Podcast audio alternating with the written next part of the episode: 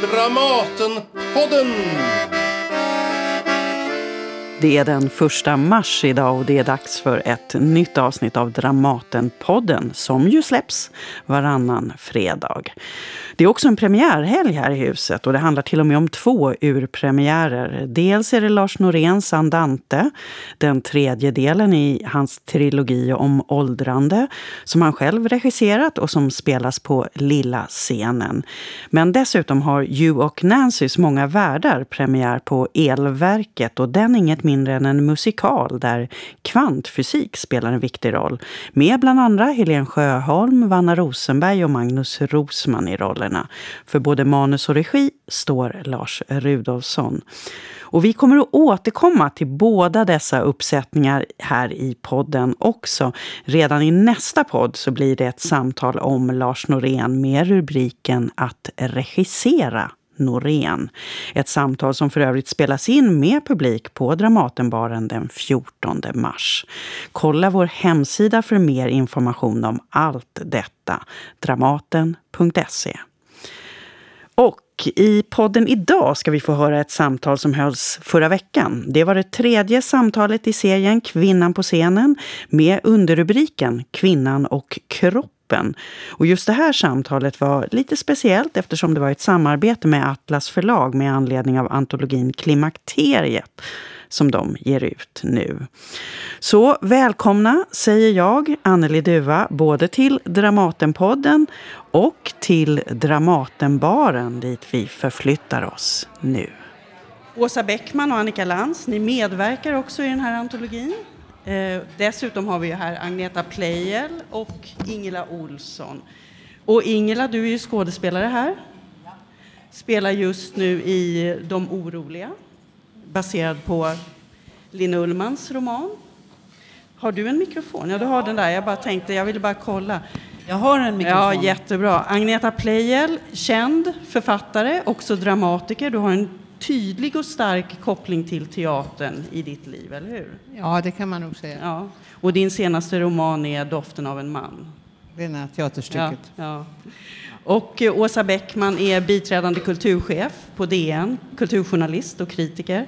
Och du har fått väldigt mycket uppmärksamhet, inte minst för alla dina krönikor som handlar om kvinnan och kvinnans åldrar och kvinnans kropp och männens kropp och åldrar dessutom. Ja. Så, eh, och, och sen det här med att hon var en amazon, vad var det? Ledar... Ja. Media-amazon, om jag får be. Ja. det är inte illa. Nej. Och sen har vi Annika Lantz som är känd radioprogramledare, komiker, också författare. Din senaste bok heter Vad ska en flicka, flicka göra? göra? Ja. Precis. Och den har också på ett sätt en koppling till det här med kvinnan och kroppen, för att den handlar ju faktiskt om...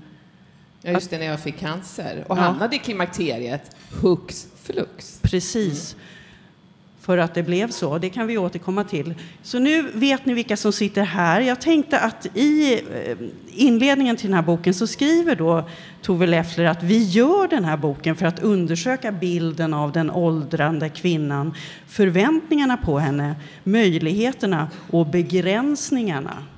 Och då tänkte jag innan, ah, vi ska nämligen få ett lite specialframträdande här idag, Annika Lantz ska faktiskt göra en stå-upp.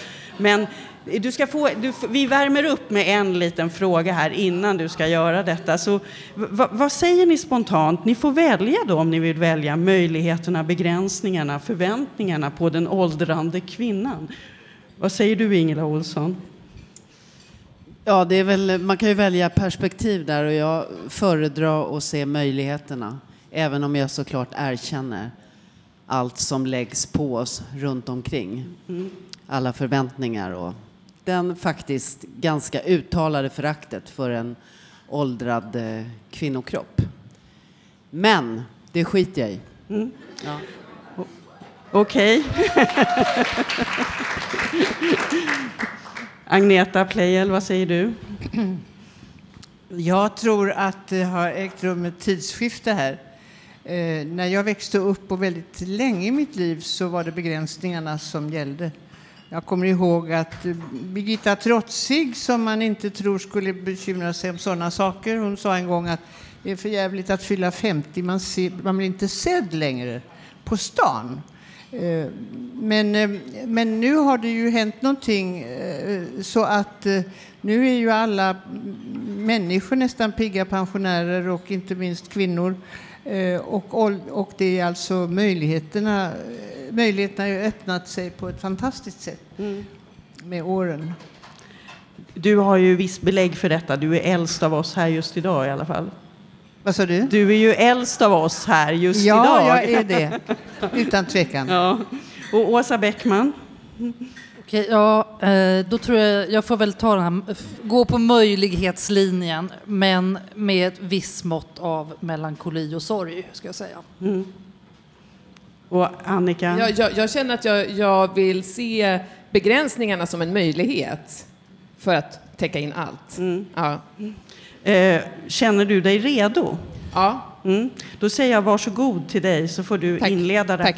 Eh, jag ställer mig upp, mm. för jag är så oerhört kort så jag är rädd att jag inte syns annars. Eh, jag måste bara börja med att säga att det är så, det är så otroligt stort för mig att vara eh, liksom här på en scen på Dramaten. Det har liksom varit en barndomsdröm för mig att få uppträda på Dramaten, helst då Anneli på stora scen till nästa gång. Ja. Men, jag får se vad jag kan göra. Ja, ja den var upptagen ikväll av eh, påklädaren, är Precis, Sven-Bertil Taube. Sven-Bertil Taube, han har ju varit i klimakteriet. så att det finns chanser. chanser finns kvar. Eh, jag sökte scenskolan fem gånger för att, för att få en chans att jobba på Dramaten. Vi ska inte gå in på allt det där sorgliga, men jag sökte fem gånger och var så fruktansvärt dålig att jag inte ens kom vidare från första omgången en enda gång. Hur många gånger sökte du? En gång, ja. och jag kom inte in heller. Sen struntade jag i det. Vad konstigt att du sitter här som att du bor här. Hur som helst, jag fick ta den andra vägen hit. Ni vet den andra vägen som i korthet går ut på att ja, planlöst plugga enstaka kurser, sen börja på lokalradion och sen gå över till eh, P3, P1, P4, skriva några böcker, få cancer, komma i övergångsåldern, svara ja till att skriva en text i en klimakterieantologi som Dramaten väljer att göra en temakväll om. Den vägen funkar alltid. Så nu är jag här och ska ha den här korta lilla introduktionen till kvinnans kropp. Jag kommer välja att prata om klimakteriet. Är ni redo?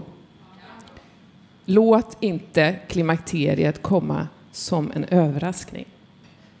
Det här är alltså en rubrik som jag hittade i en, en tidning som uppenbarligen hatar kvinnor. Det är ju jätteroligt med överraskningar. Och, och låt för all del klimakteriet komma som en överraskning, för det händer ju ändå inte så supermycket roligt efter 45. Utom det här som du har ordnat, Anneli, med de här kvällarna. Eh, så, så, låt klimakteriet komma som en överraskning. Men när du en natt vaknar upp med hjärtklappning och dödsångest i en pöl av mellanblödningar och svett, då kan det vara bra att veta några saker om den här övergångsprocessen. Den här processen som kan ta allt mellan ett och eh, 15 år. Är det inte härligt att något får ta tid idag?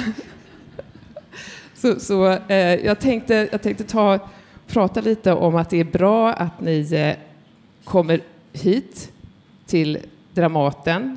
Det är bra att ni kommer ut ur huset. Det är bra att ni framförallt inte stannar hemma. För det viktigaste av allting, det är att se till att Stockholms klimakteriekvinnor inte stannar hemma och försöker ha penetrativt sex. Man får så fruktansvärt torra slemhinnor i klimakteriet. Det sägs alltså att åtta av tio av sommarens bränder orsakades av kvinnor över 50 som försökte ha sex utan glidmedel. Och det var också därför som eh, Myndigheten för samhällsskydd och beredskap redan i juli gick ut och förbjöd sex till och med på egen tomt för 50-plussare. Och det kan vara eh, ett hårt slag. Jag, jag har träffat flera klimakteriekvinnor som säger att de aldrig har varit så kåta som i klimakteriet. Även om jag kan tänka att det är en ganska lätt sak att säga sommaren eller hösten efter en sommar där, där eh, skogarna var fulla med brandmän. Men, men det här är i alla fall information från MSB som också säger att det enda det riktigt säkra sättet för en kvinna över 50 att onanera är med duschen.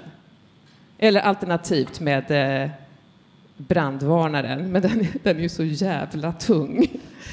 och, och eh, fråga mig inte hur jag vet.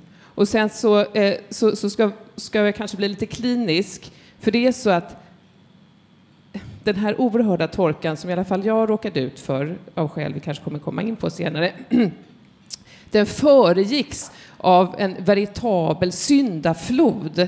Eh, jag, alltså, jag vet inte hur jag ska förklara det utan att bli eh, otydlig, men, men man kan säga som så att eh, om min snippa tidigare i livet var det där lilla jäckande hålet som knappt släppte igenom en tampong, så har den mer och mer börjat utvecklas till en nordkoreansk diktator som vill ta över hela världen.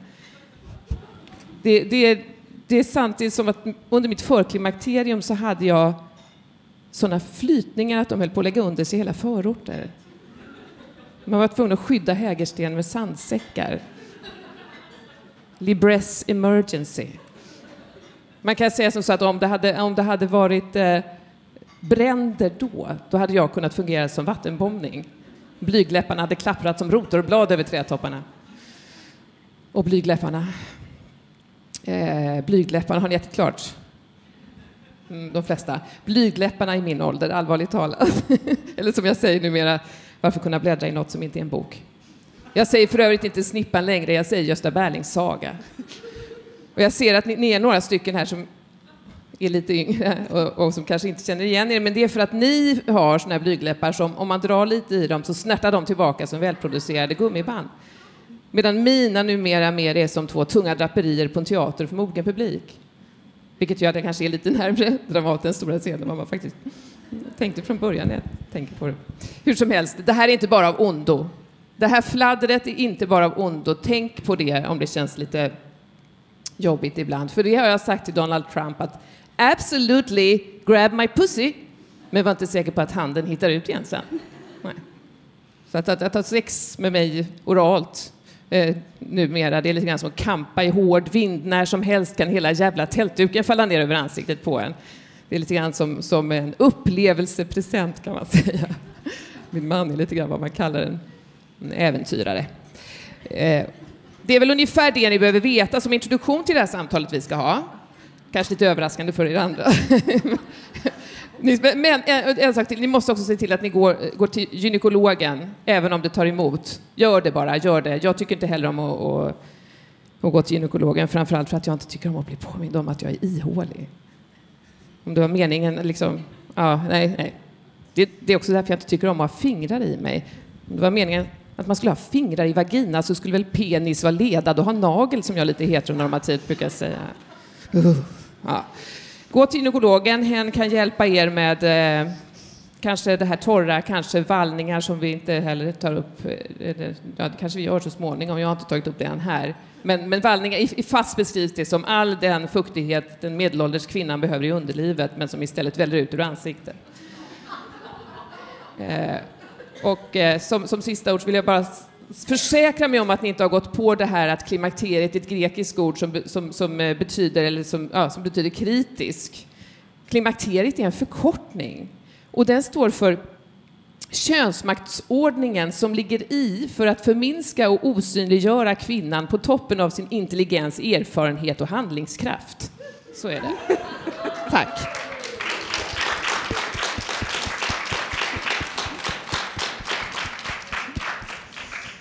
Tack så mycket, Annika. Tack, Anneli. jag, jag, jag tänkte säga, jag, jag såg, det finns en tv-serie nu som heter The Marvelous Mrs Maisel som handlar om en kvinna som försöker slå sig fram som eh, ståuppkomiker på 50-talet i New York. Jag vet inte om någon har sett den. Den är väldigt välskriven. Man måste bara liksom söka på konstiga kanaler och ta något kort abonnemang för att kunna titta på den. Men den blev så omskriven så jag, så jag tittade på den. Och då är det vid ett till, hon är väldigt frispråkig, hon är så verkligen fin flicka men men är väldigt, väldigt öppen helt enkelt på scenen. Och då är det en gång så tas hon bokstavligen av scenen. De drar bort henne för att hon har pratat om graviditet. Och, eh, och hon svarar så här, men mannen som var före mig, herregud, han skämtade ju om penissvamp.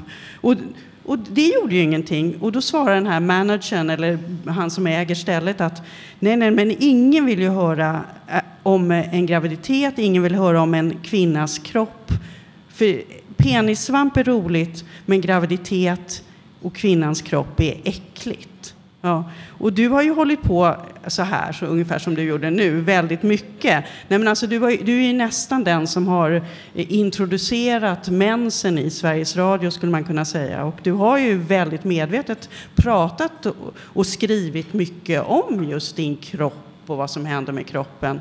Hur, hur, har det varit? Vad har, du, har du tagits av scenen någon gång? Eller har du fått... Ja, det, eller jag har blivit inplockad till chefen ju. När jag började prata om mens på, på lokalradion, då blev jag faktiskt inkallad till chefen och sa att ingen är intresserad av din mens och sa att jag, alla är intresserade av min mens. Nej, det sa jag inte. Jag sa att hälften av befolkningen är intresserad av min mens.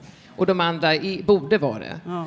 Och hälften har det och de andra drabbas också av det på ett eller annat sätt. Jag avskyr att ha mens. Mm. Jag har inte det längre. Lillo mig. Men, men tycker du att det har hänt något då? Alltså att det har varit, alltså, har... I, i, mindre, jag, jag, tror så här att eh, vi, som sagt, och det kommer väl sägas igen, men det, det, måste göras gång på gång för att det, det, glöms bort hela tiden. Så att det måste göras dagligdags och jag gör mitt bästa för att fylla den kvoten. Men det behöver pratas om det för att det det är fortfarande jobbigt och på radion också så har det varit så att jag, jag hade ju eh, ett program som heter Lans i P4 och då, där jag pratade om sådana här saker och, så, och, kroppen och allt det. Och det, det, det ringdes väldigt ofta till den chefen eh, så han satte sig och började räkna gångerna som jag sa det här på och kom ändå fram till att nej men det går, det, det funkar, det, det, de överdriver liksom, de som är irriterade på det här. Eh, men det var ändå så att det var ett, ett, pågående samtal och sen så började ju Magnus Uggla sen då började prata om sina eh, penisproblem, jag kommer inte exakt ihåg vad det var, och, och hemorrojder och så vidare. Och då var det, ju, då var det absolut inte samma, och det tog den här chefen upp med mig och det var ändå roligt att det var en manlig chef att han hade sett det här och att det var en enorm skillnad på hur folk reagerade på öppenhet kring, kring mm. öppningar. Mm. Ja. Men Men alltså, vissa har ju också kritiserat det här nu, för det pratas ju väldigt mycket om just klimakteriet och om kvinnans kropp nu, mer än tidigare i alla fall. Och då kommer också en motreaktion att varför ska man prata så mycket om det här och hur intressant är det här egentligen? Men varför kommer detta nu då? Varför pratar man om de här sakerna nu? Vad säger du, Åsa Bäckman? Det kommer ju då vågor eller vallningar, man kan mm. säga då, med, med det här, att den här diskussionen kommer med jämna mellanrum. Och jag tror att det måste vara på det sättet därför att det är så att varje generation måste göra på något sätt sin klimakterieberättelse därför att klimakteriet och hur man upplever det och synen på det det ändras hela tiden med hur samhället förändras runt, om, runt omkring. Och därför är det bara att köra på och, att, och prata om klimakteriet. Och framförallt så tänker jag att jag vägrar låta den här liksom, perioden i mitt liv vara på något sätt oartikulerad. Jag tycker att den ska vara precis lika intressant, lika viktig, eh, lika värd att prata om som puberteten är eller som föräldraåren är. Mm. Så jag tycker bara, kör på. Nu pratar vi om det igen. Mm. Men Agneta Pleijel, du skulle ju egentligen ha medverkat i den här antologin, eller du var i alla fall tillfrågad. Eh, men du valde att inte göra det. Gud, ja. så pinsamt. nu vill vi höra. Ja, ja. men du hade ju en anledning Nej, till detta. Det, ja. det, är ju faktiskt så att i en stor del av min, mitt liv så har menstruation och klimakterium varit fullständigt omöjliga att tala om. Det är faktiskt sant. Och jag hade, eh, när jag närmade mig klimakteriet, aldrig hört någon tala om det förrän en kvinna på ett eh, kollektiv där jag bodde plötsligt stod i köket och diskade och sa Ja, jag har just eh, blivit skrapad för jag har gått igenom klimakteriet och de ansåg att jag skulle skrapa mig. Vad säger du? Nej, men berätta. Hur är klimakteriet? Och det var första gången i mitt liv som jag talade med någon människa om detta. Och, och, och därför så, och jag, och när jag skulle skriva eh, de här böckerna jag har skrivit med lite självbiografisk bakgrund så var det en stor övervinnelse att skriva om menstruation. Alltså därför att det, det ansågs skamligt, skämmigt, eh, genant och man fick bita ihop och göra det för att det, det var ju en viktig del av livet. Men personligen har jag då försökt bortse från det här, så det är säkert därför jag inte är med i den här, i den här antologin. Jag visste inte vad jag skulle skriva. Men för övrigt så tyckte jag att klimakteriet för mig var väldigt, eh, eh gick väldigt omärkligt förbi. Det är möjligt att det beror på en förträngning. Att man inte erkänner kroppens signaler. Och, jag kunde väl känna några vallningar vid något middagsbord, men det var mycket lätt. Mm. Och jag, eh, jag eh, kan inte säga att jag led av det. Jag kan inte säga att mitt liv förändrades av det. Eh, utom att det var en stor frihet att slippa den här menstruationen. Mm. Ja, det är väl vad jag kan säga. Eh, väldigt, väldigt skamligt under en lång tid. Så jag vet inte om det är sant att det pratas mer eller mindre om det. Jag tror att det pratas mer om det därför att vi har gått igenom en, en sorts öppenhetsvall eh, som länge var hög. Eh, och, och okvinnlig och osexig och vad ni vill. Men var det ett medvetet, jag tänker eftersom du, du har ju ändå skrivit eh, ja. om, har det varit en medveten insikt som du har kommit till genom åren att det också är viktigt i någon mening att, att skriva och prata om, om... Nej men det är väl fullständigt ja. absurt. Du har eh, hundratals böcker som handlar om pojkars pubertet och deras utveckling och deras onanerande, onanerande med vänner och jag menar vet inte vad. Och eh, det dröjde väldigt länge innan det kunde beröras när det gällde kvinnor. Så att det, är klart att jag, det är klart att jag ansåg att, att sådana här övergångsperioder i livet, de ska beröras. Mm. De ska berättas om. Dessutom så var det ju, menstruationen var ju så vansinnigt länge sedan så det var ju mera en saga sådär. Men, men tycker du även att eh, förhållandet till, eh, till kropp kroppen och sättet att tala om kroppen, inte bara kroppsliga funktioner. Har det varit en stor utveckling även där, skulle du säga? Ja, men det, jag tycker den är gigantisk mm. från min ungdom. Absolut. Eh, och jag, och jag, tycker ju att det är bra. Eh, jag, jag menar, det, ja. Mm. Men sen har ju kroppen, för de flesta kvinnor i alla fall, har det varit för mig ett problem.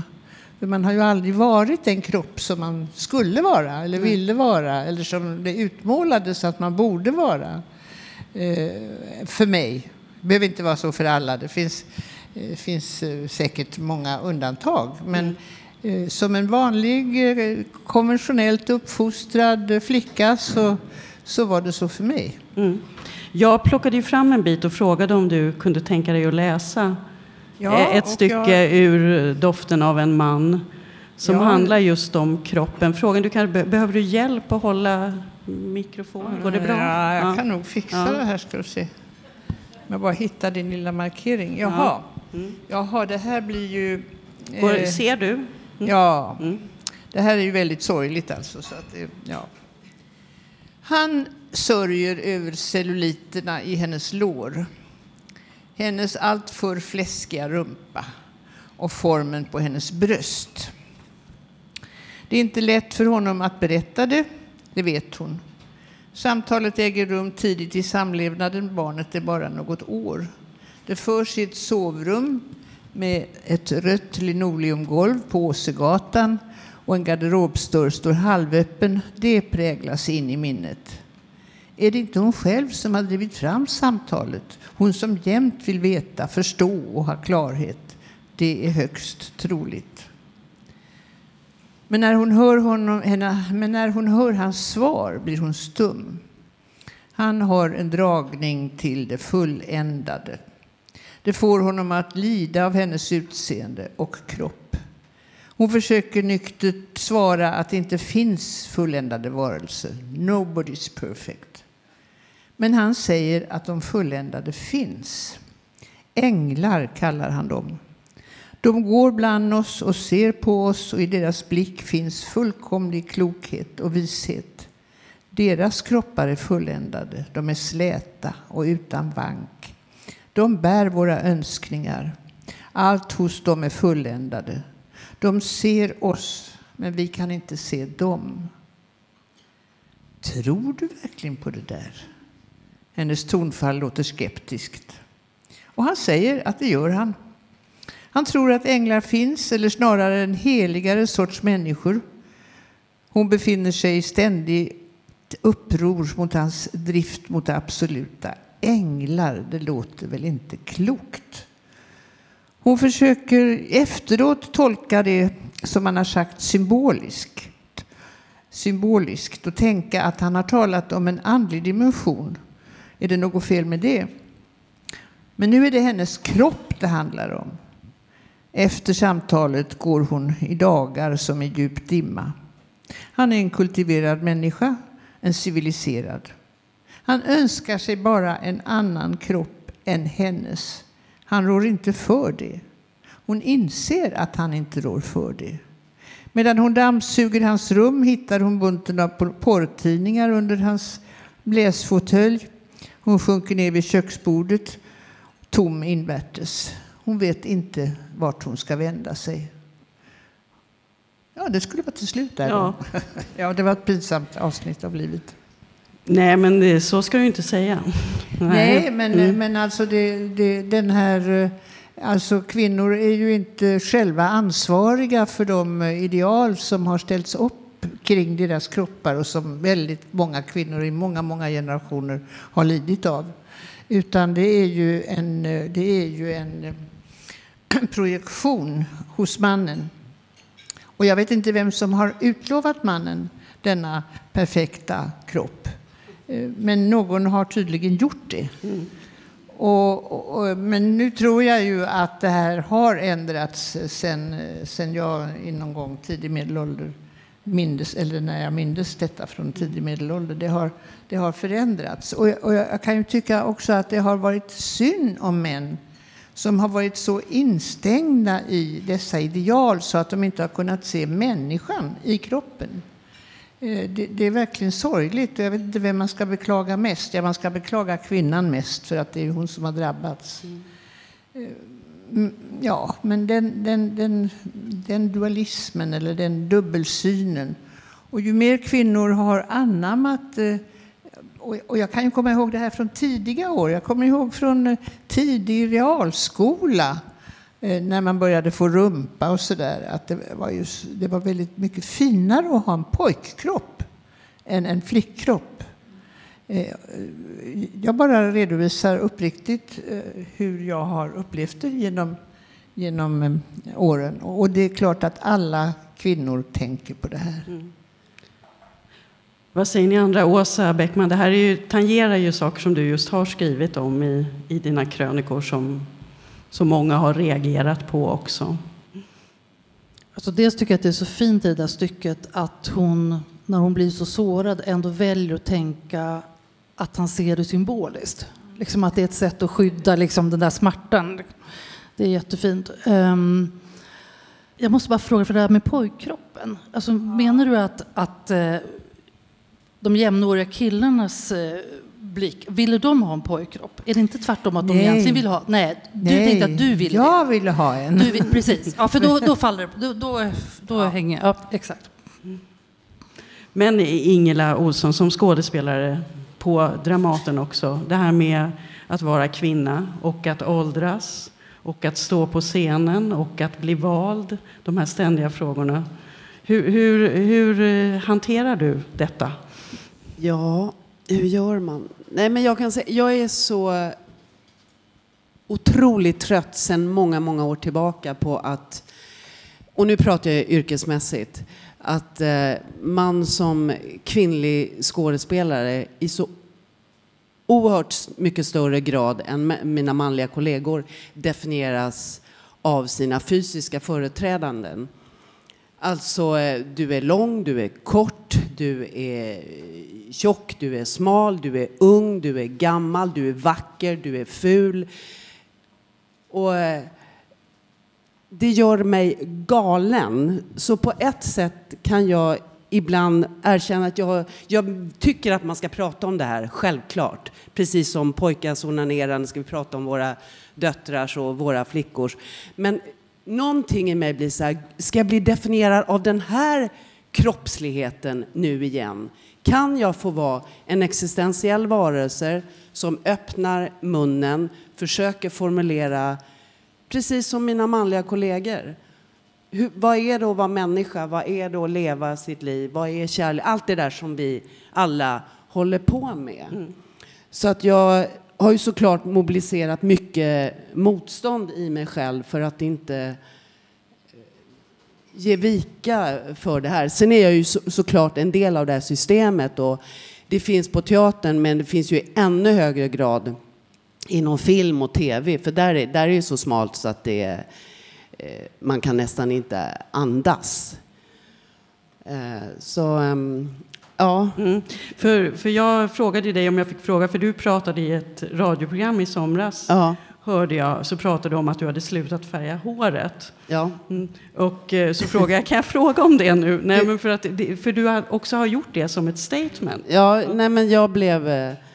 Förutom att det är jäkligt tjatigt att gå för den där förbannade utväxten var femte vecka. Det är så tråkigt, det kryper i hela kroppen. Jag känner hela tiden att jag skulle kunna göra något roligare. Men när jag liksom tog på mig de glasögonen, och jag anklagar, jag, gör, men jag har färgat håret i massor med år och alla gör som de vill och det, det är inte så. Men när jag tog på mig de glasögonen, både när jag såg män och kvinnor på scen, eh, män och kvinnor i alla talkshows och ute på gatan, så blir det så flagrant hur eh, kvinnor liksom, får, liksom, vi kan inte ens få bli gråhåriga. Männen, rynkiga, grå, tar plats och pratar, det är inga problem och de är sexiga och det är ingenting. Och sen, mm, och jag, nej, jag kan inte gå med på det. Jag kan inte, jag vill inte göra det där längre. Och när jag ställde den frågan till dig här innan vi gick in Mm. Ja. för att kolla, kan jag, kan jag ta upp det här? Ja. Och då gick ju ni igång, då började Ja. ni prata som Ja. bara den, Ja. allihopa. Ja. Ja. Just för att jag tonade. Men hur kan de få det så... Eh... Vad de kan nu för tiden. Ja, men jag, jag blev jätteinspirerad. Jag tänkte att det kanske är det man ska göra nu faktiskt. Det är klart det finns roller där man kanske, men då, det finns ju peruker. Och jag menar, mina manliga kollegor, de färgar oerhört sällan håret. Det är så. så ehm, och det är en skitsak och det är en detalj, men det är, det är väl del i någonting att försöka acceptera den här eh, kroppsligheten. kroppsligheten. Men ap apropå det då, har ni, känner ni att ni genom era liv, har ni varit, du Agneta sa ju på sätt och vis att du inte hade varit vän med din kropp, men hur känner ni andra, har ni varit vän med era kroppar? Eller har du, era kroppar varit era vänner, kanske man ska uttrycka? Sent tycker jag det var. Jag växte ju så jäkla fort och var nog typiskt en sån där eh, läsande tjej som var elevrådsordförande och var sån som killar var kompis med. Och jag tror att jag fattade liksom att jag på något sätt var kvinna när jag kanske var 24-25. Så kändes det som att jag liksom började land, förstå vad det var och hur jag skulle kunna vara det på mitt sätt. Men jag tycker att det, det var någon sån här erövring, tycker jag. Sen har jag tyckt väldigt mycket om att vara det. Och jag tänker på det som du sa att man hela tiden blir definierad och att det något, finns någonting i en som bara säger nej, ska nu bli det en vända till. Jag tror att den här kritiken mot den här klimakterievågen som man ser nu, den handlar ju delvis om det. Att folk blir, nej men herregud, ska vi nu in tillbaka i kroppen när vi kunnat liksom lämna den? Fast jag känner att jag vill kunna göra både och. Absolut. Förstår du? Jag, jag vill verkligen liksom kunna vara helt fri, fast jag vill ha med den här erfarenheten som också är att jag är kvinna i den här kroppen. Och att det känns som någonting liksom att, att slåss för den rätten och inte liksom bli förminskad. Men Annika, vad säger du? Nej, men jag sitter och tänker att jag alltid har varit väldigt förtjust i min kropp och jag tycker jag har skitsnygga bröst och så. Och, och har varit så här, det är klart att alla tittar på dem. Men, men eh, sen så, ehm, så, så apropå vad vi pratade om nyss så har jag också förstått, jag, jag, jag ser det verkligen som en viktig sak att göra att hålla på och skoja om kroppen. Men jag, inser också att, i, att jag har tagit humorgreppet lite grann för att anfall i bästa försvar. För jag har ju jobbat eh, med, med, jag har jobbat på radion i, i hundra år faktiskt, i stort sett. Och, eh, eh, men jag har ju också gjort några utflykter till TV. Och där, om man jobbar med humor med TV så jobbar man med snubbar. Så är det bara. För att när det gäller manusskrivande och så under den tiden jag har jobbat, det är kanske är på väg en liten förändring. Men ofta när jag tänker på det och frågar yngre tjejer så säger de att det inte är det. Så att, men, men hur som helst, jag har varit killar. Och när killar har skrivit skämt så är det oerhört ofta eh, att de genom mig tar chansen att gå på kvinnors kroppar. Eh, själv- de kanske skojar om sina egna såklart och så känner de så här att jag är ett bra alibi och har fått, fått dra de grejerna. Och då har det känts som att, att eh, eller nej, det har inte känts som det, för jag tror inte det har varit medvetet och det är också, det är en liten sorg mig att jag har varit så himla styrd utan att fatta det. Men att det här har varit ett sätt för mig att själv definiera de här skämten om min kropp och vad som händer med min kropp. Och sen bara en sak till, jag, jag läste nu, lite sen på bollen, det var någon fransk författare som hade blivit plötsligt uppmärksammad för att han hade sagt att han bara ville Eh, eller jag vet nu överdriver jag kanske, ville han ligga med tjejer, eller han gillade bara tjejer som var 25. Det fanns att- inget extraordinärt. det, fanns, det, det var, tjej- tjejer som var 25 hade extraordinära Ja. kroppar. Och det finns inget extraordinärt med en 50-åringskropp. Jag bara, har, har han någonsin sett en 50-åringskropp? Det är ju så extraordinärt. Det är fullständigt ljuvligt. Jag blir helt tokig när jag tänker på Han är ju bara dum. Där kan man igen känna så här, det- he's lost liksom. Ja. Ja. men, men apropå den här antologin, om vi snurrar tillbaka lite till den. Fick ni några nya insikter, några nya tankar när ni nu läste den? Var det någonting som ni skulle vilja nämna här som förvånade eller roade? Ja, men Sara, vi, vi träffade Sara Kadefors igår och satt och pratade om lite samma ämne. Som också skriver precis Precis, som också har skrivit i boken. Och hon skriver ju en del om sin sorg att det här händer. Och, hon upp, och när vi var på scen så, så gav hon uttryck för en väldig avundsjuka mot män. Alltså rent fysisk, biologisk avundsjuka, att vi blir av, blir av med vår reproduktionsförmåga och sånt där. Och jag har aldrig tänkt på det på det sättet. Och det kanske är dumt att gå igång på saker som är jobbiga att bära, men, men jag kände att den där sorgen den, den, den är spännande. Den är, det ska bli spännande att utforska den lite. För jag tror att jag gärna lägger på det här, det här skyddet som är en, en humor och ett skratt hela tiden. Men det är såklart en sorg. Även om det för mig, eftersom jag har varit sjuk och, bli, och, och liksom fått behandling och, och eh, är tumörfri och allt det där, att det för mig är en ynnest att få åldras och därför har jag sett det väldigt positivt. Men det är ju inget farligt heller att våga se det som en sorg och eh, undersöka den. Så det är någonting som jag hittills har fått med. Jag har inte läst alla texterna än. Nej. Men jag blev nog ganska, för det var ju ett tv-program också om det här. Jag blev ganska förvånad över att det var så många kvinnor som uttryckte den här enorma sorgen över och det är ingen som tittar på mig och jag kommer in i ett rum, ingen lägger märke till mig. Alltså det, jag kunde inte känna igen mig i det. Antingen är det aldrig någon som har tittat på mig eller har inte jag lagt märke till det. Jag märker fan ingen skillnad, jag gör inte det. Så jag, eh, så Nej, jag om kan inte, jag kan verkligen inte känna igen mig i det. Och sen tycker jag vi pratar som att, menar männen åldras väl också? Hallå, alla som har haft en lång relation med en man vet väl att det är väl en annan historia 25 år senare, eller? Men det, men det är väl det då som man kan tycka Det som... blir man ju glad över. Vad- Det blir man ju glad över. Eller hur? Det menar, Men det är väl det man kan då tycka att, att, liksom att eh, mäns sexuella status fortsätter att vara hög medan kvinnors faktiskt inte är det. Nej. Och det var ju det som också Sara Kadefors var inne på när vi pratade igår, att hon var så förbannad på det. Och så det är liksom det som en så här, demokratisk orättvisa att det är på det sättet. Eh, och jag tror att i min text där, så jag är lite inne på det där med att att på ett sätt så, jag tycker att det här är liksom en fantastisk ålder på så många sätt. Jag känner mig så här fri, jag känner att jag har tillgång till mig själv, jag känner att jag fyller ut min potential på ett sätt som jag inte har gjort tidigare i mitt liv. Så att i grunden, ja, det är, det är starkt och bra. Men det finns också någon sorg och någon melankoli över liksom, vad ska man göra av den resten i en själv som faktiskt också kan njuta av att vara objekt. Men den rätten kan man väl ta sig då? Absolut, men, men man, är inte det, man är inte det på samma sätt. Jag menar, och det, det finns för och nackdelar med det, men det finns också någonting som är problematiskt i det och som kan kännas sorgligt. Men beror det på att, eh, att det har, beror det på en feminism som har sagt hela tiden att du får inte vara ett objekt? Nej, utan jag menar att man inte... Alltså jag, kan ju, jag kan ju själv känna mig som ett objekt, men, men, jag, menar, men jag menar det är ju liksom i, menar, i samhällets ögon. I, jag brukar säga att man, man kan vara snygg i små sammanhang nu, fast man kan inte vara lika snygg i stora sammanhang. Vad intressant. Vadå? Ja, men så här. Eh, Ja, men, nu, ja, men så här. På, när du rör dig på stan, till exempel, då kan du inte vara riktigt lika snygg som du var för 20 år sedan. Eller hur? För det finns massa andra jämförelseobjekt. Du menar hemma? Ja, hemma Med den där snygga svarta lilla... ja. Men eh, om, man, om man vänder på det här, för det finns ju också flera som skriver om eh, att det ju faktiskt är en ny tid som också bär någonting positivt med sig. Alltså att det är en frihet, att det är skönt till exempel att inte ha mens. Skriver flera om att det är skönt att, att bli också friare i sin kropp, förutom de som då får väldigt stora besvär. Men alla får ju inte stora besvär.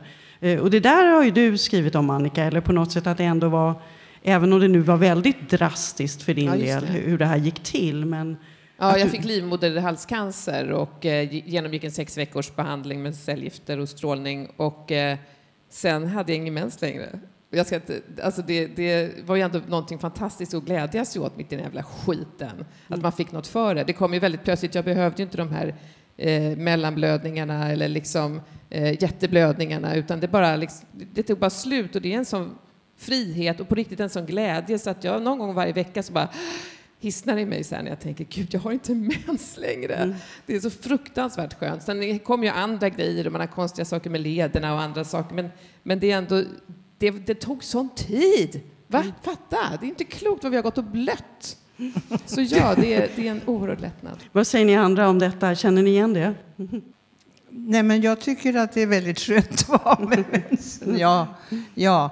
Eh, Och jag menar, den sorg som ni talar om, det är, väl, eh, det är väl inte bara en sorg över att fägringen så att säga försvinner eller ändras, utan det är ju också den mänskliga sorg vi har över att vi ska dö. Det är Verkligen. ju absolut. Ja. För så ser jag också Och, det, och där kan man ju känna både sorg och melankoli över att livet kommer att ta slut. Och det, är ju, där tycker, det där tycker jag är en stor process som man får uh, vänja sig vid och hämta in. Och, och hur ska man dö och, eh, och hur går det till egentligen och vad händer? Eller hur? Och sen också detta eh, med fertiliteten. Och där är det ju en skillnad då såklart i, gentemot männen som ju kan Ja, fortsätta. det där har jag upplevt Ja. som en väldigt stor Ja. orättvisa, att kvinnans fruktsamma år är så korta. Mm. Och det sörjde jag ju mycket mer över, menar, tanken på att nu kan inte jag längre få barn, Mm. än, än över, över så att säga, åldrandet. Mm. För det är ju två saker. Jo, för, och jag tänker just i, i ditt fall, du har ju verkligen skrivit om det också. Du har ju återkommit till det, just den tematiken med, med barnet. Alltså både i, i din pjäs Några sommarkvällar på jorden till exempel så handlar det om en kvinna som vill ha barn och en yngre kvinna som blir gravid med den andra kvinnans man. Och eh, i En vinter i Stockholm finns en liknande tematik också. Och där du verkligen på något sätt skriver också väldigt existentiellt och stort om detta med vad längtan efter ett barn betyder efter att bli gravid. Apropå Ja. kroppsligheten. Ja. Jo, men så är det ju. Och det är ju också så, män längtar ju också efter barn. Men, eh, men eh, för kvinnor är det ju väldigt påtagligt. Alltså man är skapad för det och eh, de som inte får det kan ju ofta sörja väldigt, väldigt mycket. Eh, Man är inte mindre kvinna för att man inte har barn. Men eh, det är ju en sån påtaglig fysisk, eh, biologisk grej. Och, och den orättvisan vet jag inte hur man ska komma, alltså det här skillnaden mellan könen på det planet, hur man ska komma, hur man ska ta itu med det, det vet jag fortfarande inte. Men det är en väldig orättvisa som... Och sen, sen har det ju kommit andra syner på det här. Jag menar, många har faktiskt skrivit om... Ehm, för, för, för när jag var yngre så kunde jag nog tänka, ja men då är man väl slut alltså.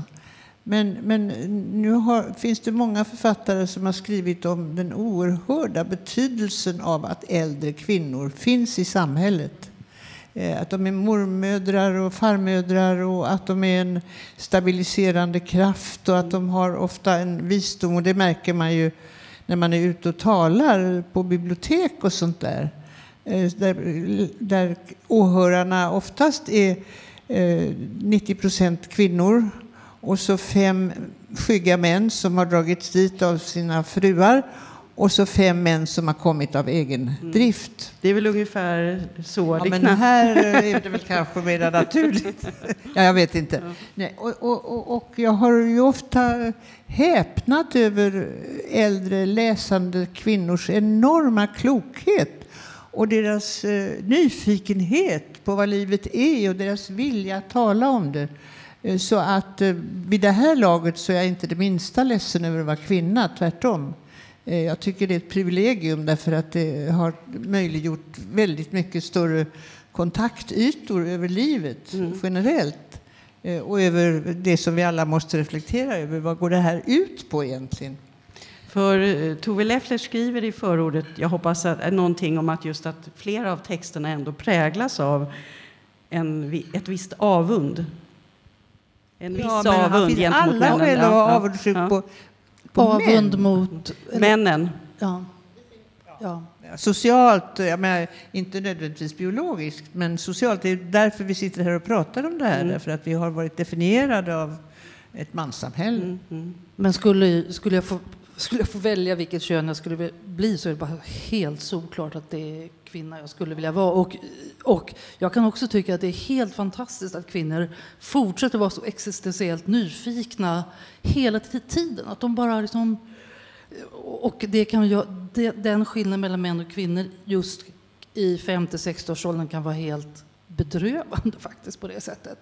Just därför. Ja, det minns jag en gammal eh, psykoterapeut som sa att eh, män de åldras ofta som eh, kvistar. De blir smalare och tunnare och så, kvick, så bryts det av.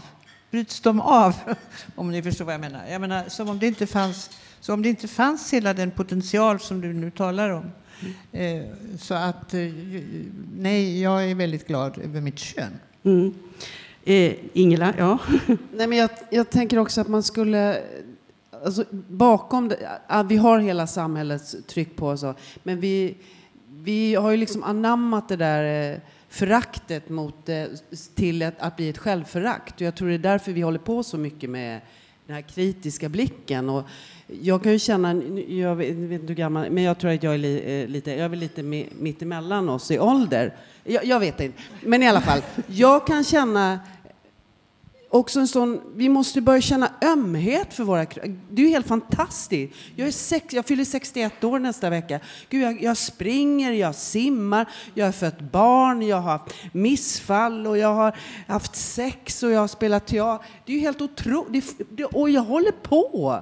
Liksom, kan, man inte ha, kan vi inte mobilisera varandra och, och liksom sluta med det här Liksom inte gå med på det där föraktet. Inte, liksom, vi måste byta blick. För om vi fortsätter och se med samma förakt, då, då kommer det där bara hålla på, hålla på, hålla på. Word sister. Helt rätt, helt rätt. Bra. Och det där kan man, man kan öva sig på det där och känna tacksamhet för sin kropp. Just, just liksom att Precis, att vi kan gå, vi står och, de, och vi kanske blir sjuka men sen kan vi bli friska och det är kroppen som bär oss genom det här. Jag har varit så himla i mitt huvud liksom en stor del av mitt liv och, och, och jag bara känner så här, förlåt och jag ska ta hand om dig. Ja men verkligen, älska min kropp. Sen, Man blir ju, som du säger, man, blir- det blir, funkar ju bättre här. De flesta av oss blir bättre på våra yrken. Även om man inte kanske hoppar lika högt, men skitsamma. Alltså vi, nu börjar man ju förstå, nu börjar jag, de sista tio åren har jag börjat förstå vad det handlar om att stå på scen, vad det är som är viktigt och, och det tar ju några decennier.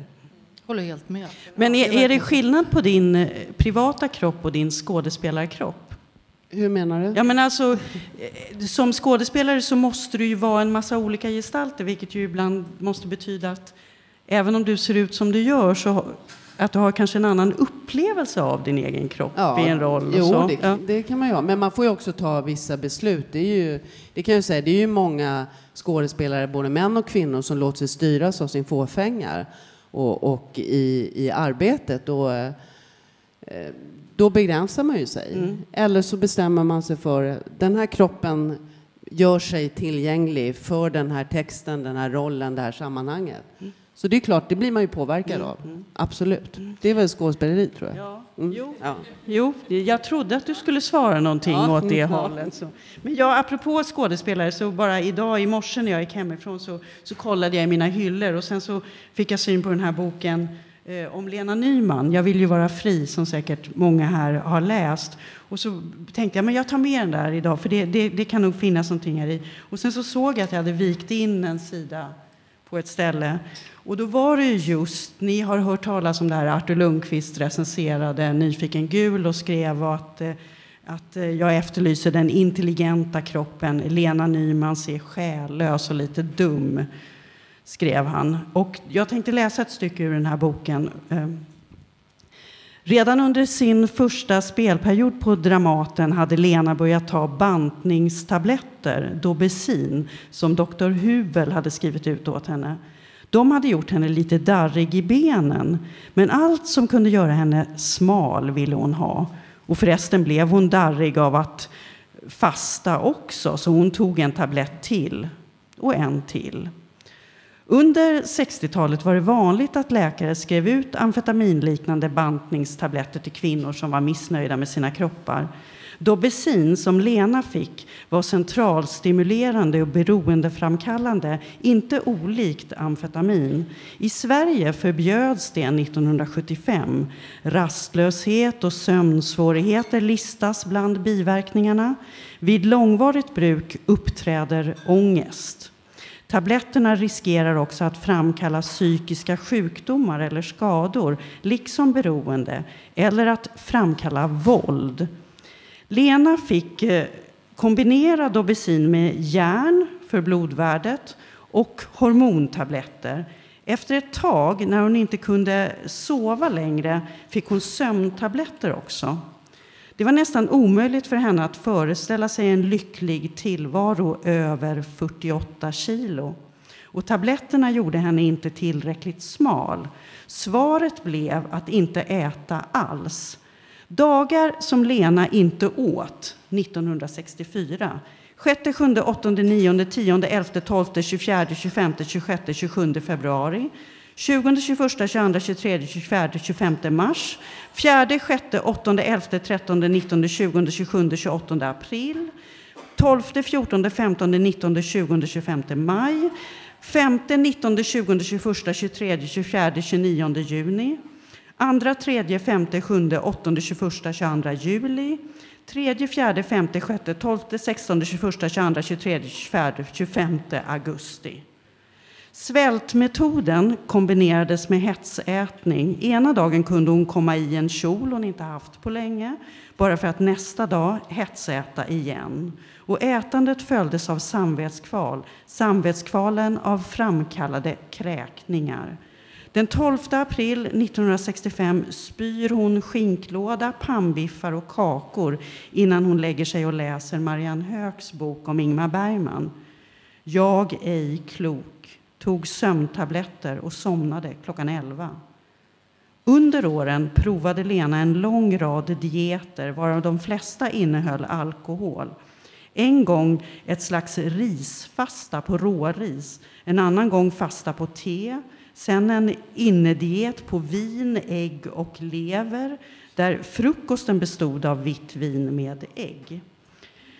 Familjen försökte ingripa. Hennes bror Bosse klagade på de extrema metoderna och försökte övertala henne att istället försöka leva lite sundare. Mamma Margit grät, men inte för att Lena inte kunde banta utan för att hon bantade. Det förstörde ju hennes liv. Och att Margit tyckte det förstörde i sin tur Lenas liv ytterligare. Mitt i dramat klev pappa Lennart in genom dörren rosenrasande för att Lena inte kunde äta normalt så att hon höll vikten. Kände mig alldeles slut inför det olösliga problem som min bantning är. Kände mig kräkfärdig på alltihop. Det är precis olösligt, för jag kan ej banta och jag kan ej se ut så här. Det är Annika Persson som har skrivit den här boken, som är väldigt bra för övrigt. Jag kan rekommendera den. Ja.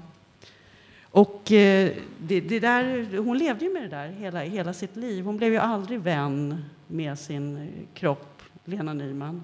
Och så råkade jag se en annan bok som jag också har, så här, just Marilyn Conversations with Marilyn och när Marilyn Monroe uttrycker hur hon, då hon pluggade på Actors Studio i New York på, på 50-talet och ville ju bli en seriös skådespelare. Och så säger hon till den här mannen som har skrivit den här intervjuboken att det handlar om att, jag ska inte läsa alltihop för det är på engelska och så, men att hon, hon vill liksom gå i, i slafsiga kläder och inte tänka på vilket intryck hon gör och, och bara få vara och sådär. Och hon tänker att teatern ska bli en frizon för henne, för på teatern kan man ju fuska.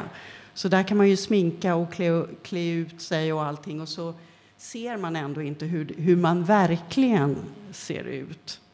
Som man då gör på film med filmkameran som är så avslöjande.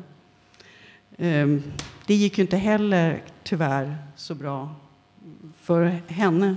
Men eh, det som också tangeras här är ju det här med den aspekten av, av sjukdom och anorexi och ätstörningar. Och jag tänkte vi måste ju såklart nämna Karin Johannisson här idag som har skrivit så otroligt mycket just om kvinnans kropp och sjukdomar i förhållande till kvinnan. Är det någon som spontant, Agneta, jag vet att du har skrivit om henne också. Ja, ja men hon, Karin, eh, väldigt tråkigt att hon skulle dö alldeles för tidigt, men hon har ju varit väldigt insiktsfull. Eh, jag menar, hon har velat se på det här vetenskapligt och, och, eh, och jag tror hon har betytt väldigt mycket för många kvinnor och män. Eh, och det var väl antagligen ett ganska impopulärt ämne hon väljer som idéhistoriker, att skriva om sådana här saker.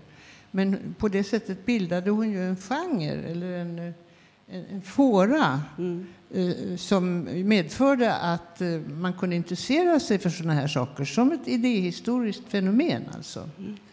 För, ett fält. Mm. Åsa Bäckman? Nej, men jag tänker, hon har varit så otroligt viktig för mig. Jag känner att hon, och för väldigt många män som kvinnor. Och att hon är nästan som ett underjordiskt rotsystem liksom, i, i massa diskussioner. För att hon har liksom gett oss en blick för hur liksom impregnerad kvinnokroppen är av föreställningar om den precis hela tiden. Mm.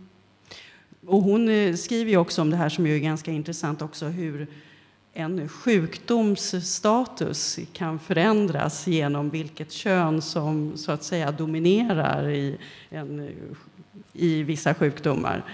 Att, eh, att eh, depressiva lägen kunde vara lite fina så länge som det var splen. Och det var manligt. hos män men, har ja. ju varit mycket fint mm, som ja. litterär eh, fenomen.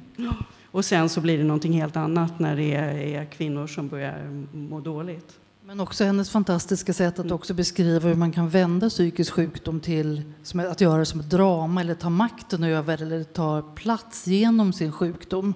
Så att man inte bara är offer för den utan också verkligen blir subjekt i den. Mm. Men det kommer ju ändå också mycket, alltså nu har ju, det kom ju förra året så skrev ju Malin Lindroth boken Haggan. Nu har Åseberg skrivit boken Haggan. Vi har Marina Benjamin som har skrivit Mellantid om just det här med eh, klimakteriet och den perioden i livet. Är det någon, någon sorts förändring på gång även inom litteraturen vad det gäller att skriva och skildra kvinnor och kvinnokroppen och kvinnobegären på ett nytt sätt? Svaret är väl ja. och även bland i ungdomslitteraturen. Alltså, jag märker ju det hur det har förändrats, både från min egen tonår, så när jag har två döttrar med 20 års mellanrum och hur det också har förändrats till den här yngsta som är tonåring idag. Hur hon eh, pratar om eh, menstruationer och sexualitet, det är på ett sätt som inte var i närheten av jag och inte heller vad min äldsta dotter som är dryga 30 gjorde. Så jag, jag upplever att det händer ju, det händer ju saker. Jag tänker att även om man säger det här, både Nuckan och Haggan, om man tar de exemplen, så är det ju verkligen ett sätt att vända på, om man har sagt Nuckan, det har varit någonting som har varit något förgrämt, förtorkat, och hon vänder och gör något slags, återtar det och gör det till något kraftigt. Mm. Och så gör ju Åseberg i Haggan också, att hon säger att man ska bli en hagga, man ska hagga. Alltså, det blir som ett verb. Och man, man ska vara bitter. Allt det där med att kvinnor inte ska vara bittra. Mm. Glöm det. Var bitter. Var så förbannad. Liksom. Alltså bitterhet som en drivkraft? Ja, att man ska, vara, man ska gå all in i hämnd eller bitterhet. Allt det som har ansetts som okvinnligt ska man... Känner man de sakerna ska man bara bejaka dem. Precis, i alla fall ett tillåtet sinnestillstånd även för en kvinna. Mm. Jag tänker på en annan sak när du pratar om eh, anorexi och ätstörningar så är det ju någonting som har vuxit nu de sista åren som jag märker både i samhället men inte minst i min yrkesgrupp och eh, bland eh, folk som syns i tv. Och det är ju dessa eh, injektioner i ansiktet. Det är ju ehm, också ett oerhört sorgligt kapitel. Botox, ja. ja. Botox, Restylan och allt vad det heter. Bör, sätter man på sig de glasögonen och tittar runt på våra vanligaste kanaler, då pratar inte jag om de amerikanska utan svenska, då är det inte många ansikten över 40 som inte är kvinnliga, som inte är preparerade. Och det ser man ju även nu om man, bör, om man tittar på amerikanska tv. Alltså männen, återigen, gråhåriga och rynkiga och så här, men eh, kvinnorna helt släta. Och den här skräcken för ett kvinnligt ansikte med ett veck i.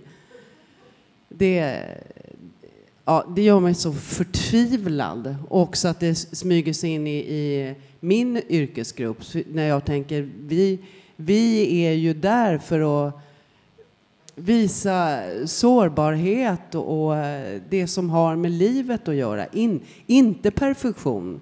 Det fula, det trasiga, det ömtåliga. Och eh, jag blir faktiskt alldeles förtvivlad när jag ser den här tendensen. Och det, det börjar bli så normaliserat så att jag, om man sen visar en vanligt eh, opreparerat ansikte över 50, det blir ju som, kommer bli som skräckfilm. Men, men vad intressant, för, för uppe här i kantinen som vi säger, där alla äter, igår så, det, så pratade någon med mig om just det här och att det var en generationsskillnad och det var en yngre skådespelerska och en äldre skådespelerska. Och, och, och, de sa att, och den unga sa att nej men i, i min generation, det här är en generationsgrej. De som är äldre förstår inte ens, men i min generation är det här en fråga. Och så tänkte jag, det här måste jag ta upp imorgon. Nu började du prata om det ändå. För jag trodde, jag måste erkänna, jag trodde inte riktigt på det. Nej, men så är det ju verkligen. Men jag, och det, det är såklart det, för jag menar, när jag var 35-40, då var ju inte det här eh, så tillgängligt som det är nu. Men jag förstår inte om man är skådespelare och är där för att uttrycka saker, hur man ens kan tänka tanken och gå den vägen. Så att det, ja. Fast jag menar, det beror väl på hur man blir bemött då? Upplever man att man måste göra det för att få roller? Eller är det så även här in the house? Ja, man kan ju lägga sig platt för alla möjliga olika krav eller så kan man välja att inte göra det. Så är det ju. Och jag tror ju att om man är...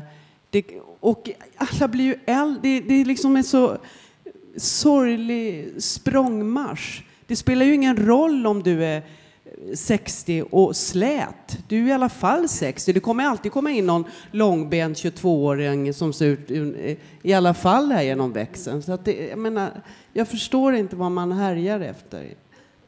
Jag, jag blir ledsen. Ja, ja Åsa. Ja. Men det är så paradoxalt, för man tänker att samtidigt som det är så att kvinnor på alla, liksom på nästan på alla fronter i samhället kliver fram just nu.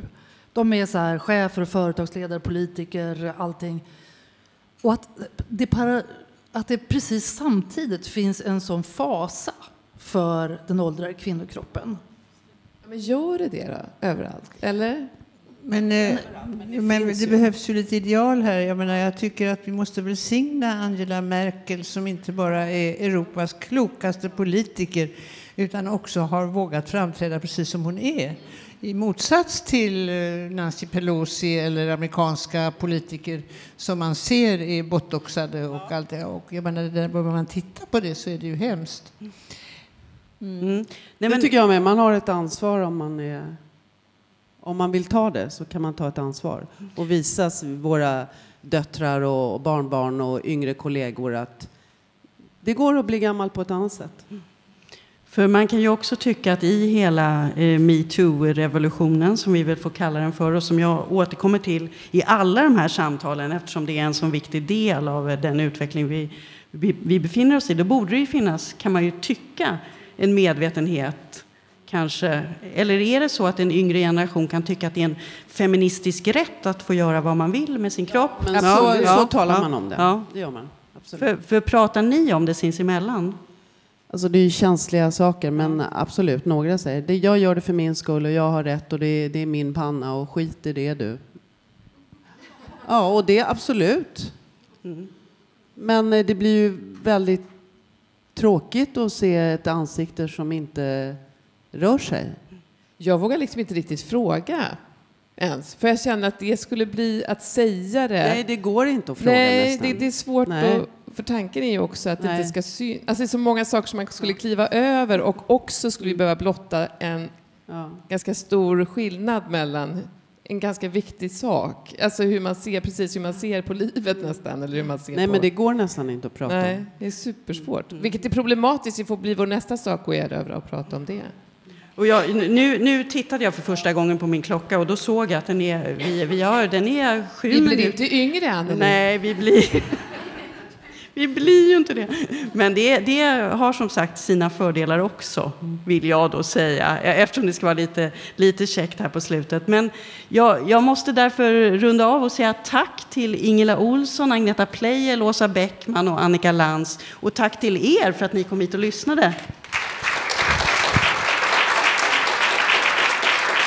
Och tack för idag säger jag även till er poddlyssnare. Och som sagt, välkomna tillbaka nästa gång när regissörerna Sofia Jupiter, Stefan Larsson, Susanne Osten och Dramatenchefen Eirik Stube kommer att prata om Lars Norén i ett samtal lett av dramaturgen Irena Kraus och mig.